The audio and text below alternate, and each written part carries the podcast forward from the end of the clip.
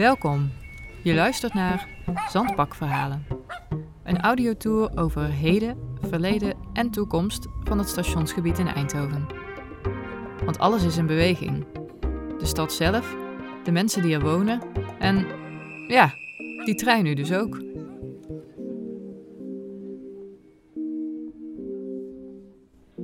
Aflevering 3. Groot en klein. Klinkt als een flinke stoomtrein, niet? Nou, schijnbedriegt. Ik kan hem namelijk niet alleen horen, maar ook zien. En ik schat hem zo'n 20 centimeter lang. Ik ben op bezoek bij de Eindhovense Modelbouwvereniging in hun werkruimte op het terrein van Museum Bevrijde Vleugels. Voor miniatuurbouw heb je blijkbaar toch nog best wat vierkante meters nodig. Michael is voor deze gelegenheid de woordvoerder van de vereniging. Ja, uh, we zijn bij de Eindhovense Modelbouwvereniging en die hebben een baan, een modulebaan gemaakt. Uh, Eindhoven, stationskwartier 1930. Ik sta dus met Michael naast een 9 meter lang model van het vroegere Eindhoven, waarop alles 87 keer zo klein nagebouwd is als dat het in het echt was.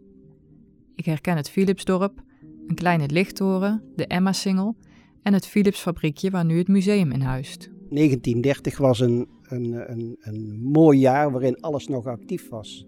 De stoomtram, de gebouwen stonden er toen nog. En het spoor was ook nog niet verhoogd, zoals tegenwoordig. Dit is het station Eindhoven zoals het was bij het laagspoor. Het ziet er totaal anders uit, ja, ja. En er was hier een tunnel onderdoor. Dus als je het station inging, dan ging je hier naar een, door een tunnel, een hele lange tunnel, kwam je zo hier terecht op het perron.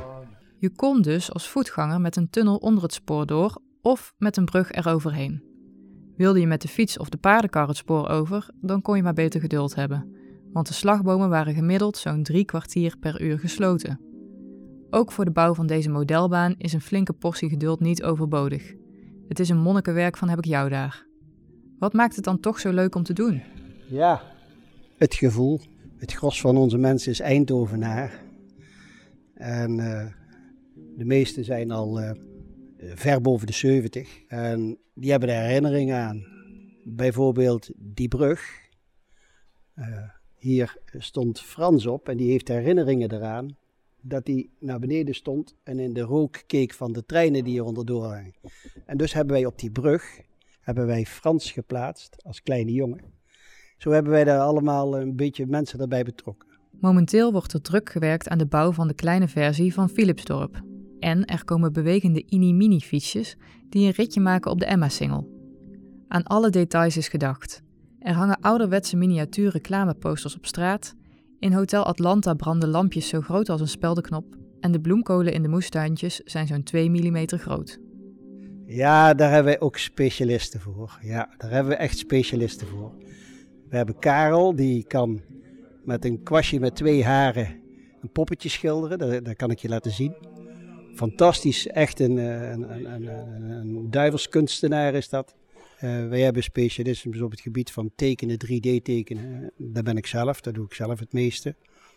Uh, wij hebben specialisten op het gebied van elektronica, gewoon elektronica. Dat kan ik dadelijk laten zien.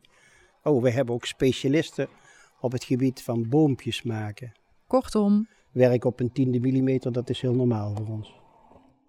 Iemand die meer van het grote gebaar is, is Kees Christiaanse van architectenbureau KCAP.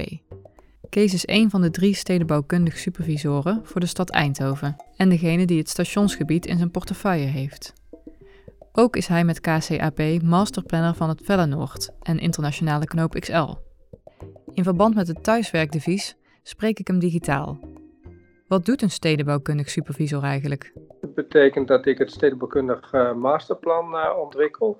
Uh, hoe het stratenpatroon, de openbare ruimteverloop en het groen globaal zijn gezoneerd. En vervolgens worden daarin bouwblokken gedefinieerd. En die bouwblokken die hebben bepaalde bebouwingsregels. waarbij plaatselijk ook laagbouw, hoogbouw kan combineren. En um, dan uh, vervolgens dan, uh, hebben wij workshops met verschillende uh, partijen en architecten en de gemeente, waarbij we gemeenschappelijk de verschillende deelprojecten ehm, ontwikkelen. Kees ontwikkelt eigenlijk hetzelfde gebied als het schaalmodel waar ik net nog naar keek. Ja, ik werk aan het uh, stationsplein in Vellenoord. Zeg maar de hele backbone uh, langs het spoortracé van het Philipsstadion tot zeg maar de, e de TU-campus. Het verschil tussen Kees en de modelbouwers is dat hij op schaal 1 op 1 werkt in plaats van schaal 1 op 87. Maar of het nu groot of klein is, de ontwikkeling van zo'n gebied gaat hoe dan ook niet over één nacht ijs. Dat is natuurlijk een langdurig proces, want het gaat om uh, een heel groot gebied. Dus uh, dat is een uh, jarenlange bezigheid. Ik denk dat ik daar al een jaar of drie, vier bezig, mee bezig ben. Ja, langzamerhand krijgt dat vorm. Maar het is ook niet zo erg als het sneller of langzamer gaat, want dat is namelijk de rol van, ook van een goed stedenbouwkundig plan. Wacht heel even, Kees.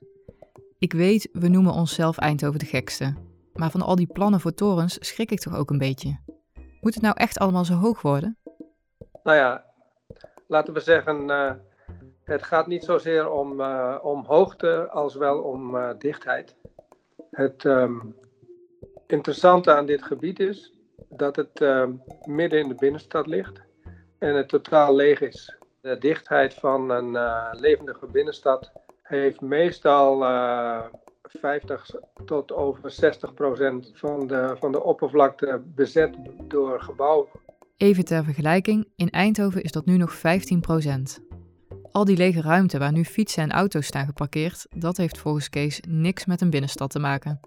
Ook is het verdichten van een groeiende stad efficiënter dan steeds verder uitweiden. Er hoeven geen duizenden en duizenden meters aan energie- en waterleidingen of nieuwe wegen te worden aangelegd.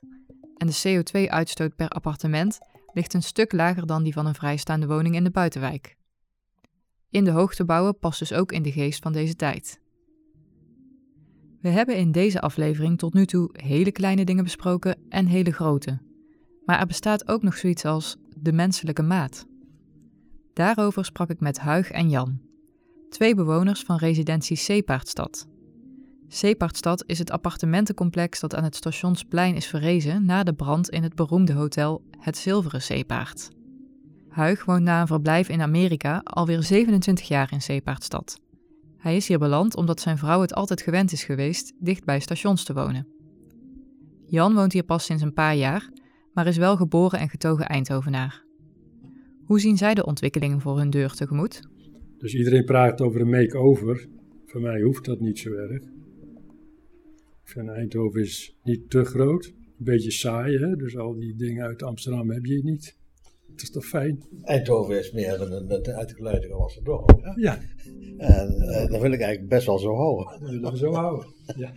Ondanks dat ze Eindhoven het liefst niet zien uitgroeien tot een miljoenenstad, vinden Huig en Jan het een goed idee als er meer bewoning in het centrum komt. In de jaren 70 waren bijna alle bewoners hier verdwenen en daar werd het ook niet gezelliger van. Beide heren zien graag wat leven in de brouwerij. En het wordt al snel duidelijk dat de sociale zaak voor hen het grootste goed is. Of die nieuwe gebouwen nu 170 meter hoog worden of 20, dat is echt niet het punt. Nee, dat is stenen stapelen. Nou, dat is ingewikkeld, maar dat kan iedereen. Maar het gaat erom, om de wonende mensen en die willen het allemaal gezellig hier bij elkaar. Ja? Op zijn Eindhoven, zeg ik dan. ja, toch? Ja. ja, ja. En daar moet, je ook, daar moet je ook iets verbouwen. En dat kan ook. Dat doen we nog te weinig. Tenminste, dat is mijn, mijn wens eigenlijk dat dat wat meer zou gebeuren. Ja, ja de sociale context die, die, die zijn heel belangrijk. Kijk, en wat we wel horen is dat er een flat van 170 meter groot komt. En ik zou graag horen dat er een kwaliteitskring komt waar iedereen weer in zit. Een wat, zeg je? Vroeger had de gemeente een kwaliteitskring. En er zat dus iedereen die in het centrum, hè, je hebt erin gezeten, iedereen in het centrum, als er wat gebeurde, werd dat daar besproken. Dat dat soort organen, die zijn weggevallen. Ja, en, dus, en er, er zijn wel labmiddelen, maar dat is niet structureel. Ja. Nee, want in die kwaliteitskring, daar zaten nogal wat uh, vertegenwoordigers in van de, de, de, de diverse disciplines. De, de, gemeente zat erin, de politie zat erin, ja. de brandweer zat erin, ja. uh, de, de toezicht zat erin, ja. uh, de horeca zat erin, de, de, de taxis zaten erin, ja. Uh, de bewoners zaten Ja, ja, ik begrijp dat wel. Hoewel ik toch niet weet of vergaderen met zoveel mensen iets voor mij zou zijn. Even later in ons gesprek blijkt een ander heikelpunt de kap van een aantal bomen. wij hadden hier altijd vier bomen staan, eh, ginkgo's. Ja. Mooie ginkgo's. Ja, die. Kijk, die, dat zijn deze, dat zijn hele aparte bomen. Nou, eentje die was niet erg goed, maar die, die stond in de weg toen met verbouwing van hier beneden. Ja. Die is gesneuveld toen, maar er zou een nieuwe komen. Nou, het enige wat dus nieuw gekomen is, is, daar kun je precies zien waar die staan heeft. Dat hebben ze gewoon dichtgetegeld. Ja. Misschien komt hij nog terug, als het plein straks opnieuw wordt ingedeeld. Ja, maar dat is. Kijk, hier stond ook Bomenbos Studentenflat. En daar hebben we dus heel veel gesprekken over gehad. Ja. En daar hebben ze dus geld in het bomenfonds gestort om TZT en Combo de bomen. Nou, nou, nou is een suggestie gedaan. Ook in de stad staan van die bakken waar bomen in zitten. Maar waarom die dan niet even terugkomen, die tien jaar dat het duurt? Je moet wel die grote plannen gaan uitvoeren, zeker weten. Daar ben ik helemaal niet tegen. Maar je kan vandaag de dag kan je ook al heel veel doen. En dan laat je zien dat datgene wat bewoners fijn vinden, dat je dat ook gaat doen. En ik ben al wat ouder, dan kan ik het nog meemaken. Snap je? Wat dat betreft is kleiner soms een stuk makkelijker. Hoe werkt dat in de modelbouw? Die wortelstam, dat is een gaatje van 6 mm. Die boren we gewoon ergens in en dan kan je hem gewoon erin steken. Dus we kunnen die bomen vervangen als ze stuk zijn. Wanneer je als Eindhovense modelbouwer een boom wilt, dan vraag je dat gewoon even aan Wanda. Ja, zij kan echt eh, bomen maken in alle jaargetijden. Eh, Zij vraagt ook als je een boom nodig hebt van welk, welk eh, moet het zijn? Moet het een berk zijn? Of een, ja, en dan leg je dat uit en dan krijg je die. Heerlijk overzichtelijk, toch? Nu snap ik ook waarom die architecten altijd eerst een maquette maken. Om er af en toe even naar te kijken en te denken: "Huh, was het in het groot ook maar zo simpel? Heb jij daar nou ook behoefte aan? De Eindhovense Modelbouwvereniging is altijd op zoek naar nieuwe leden. Liefst jonger dan 70. Ben je nieuwsgierig geworden naar de vorige aflevering van Zandbakverhalen? Als je het rechterzebrapad richting het station oversteekt, die aan de kant van het Student Hotel, vind je op de stoep voor de fietsenrekken een QR-code die je kunt scannen.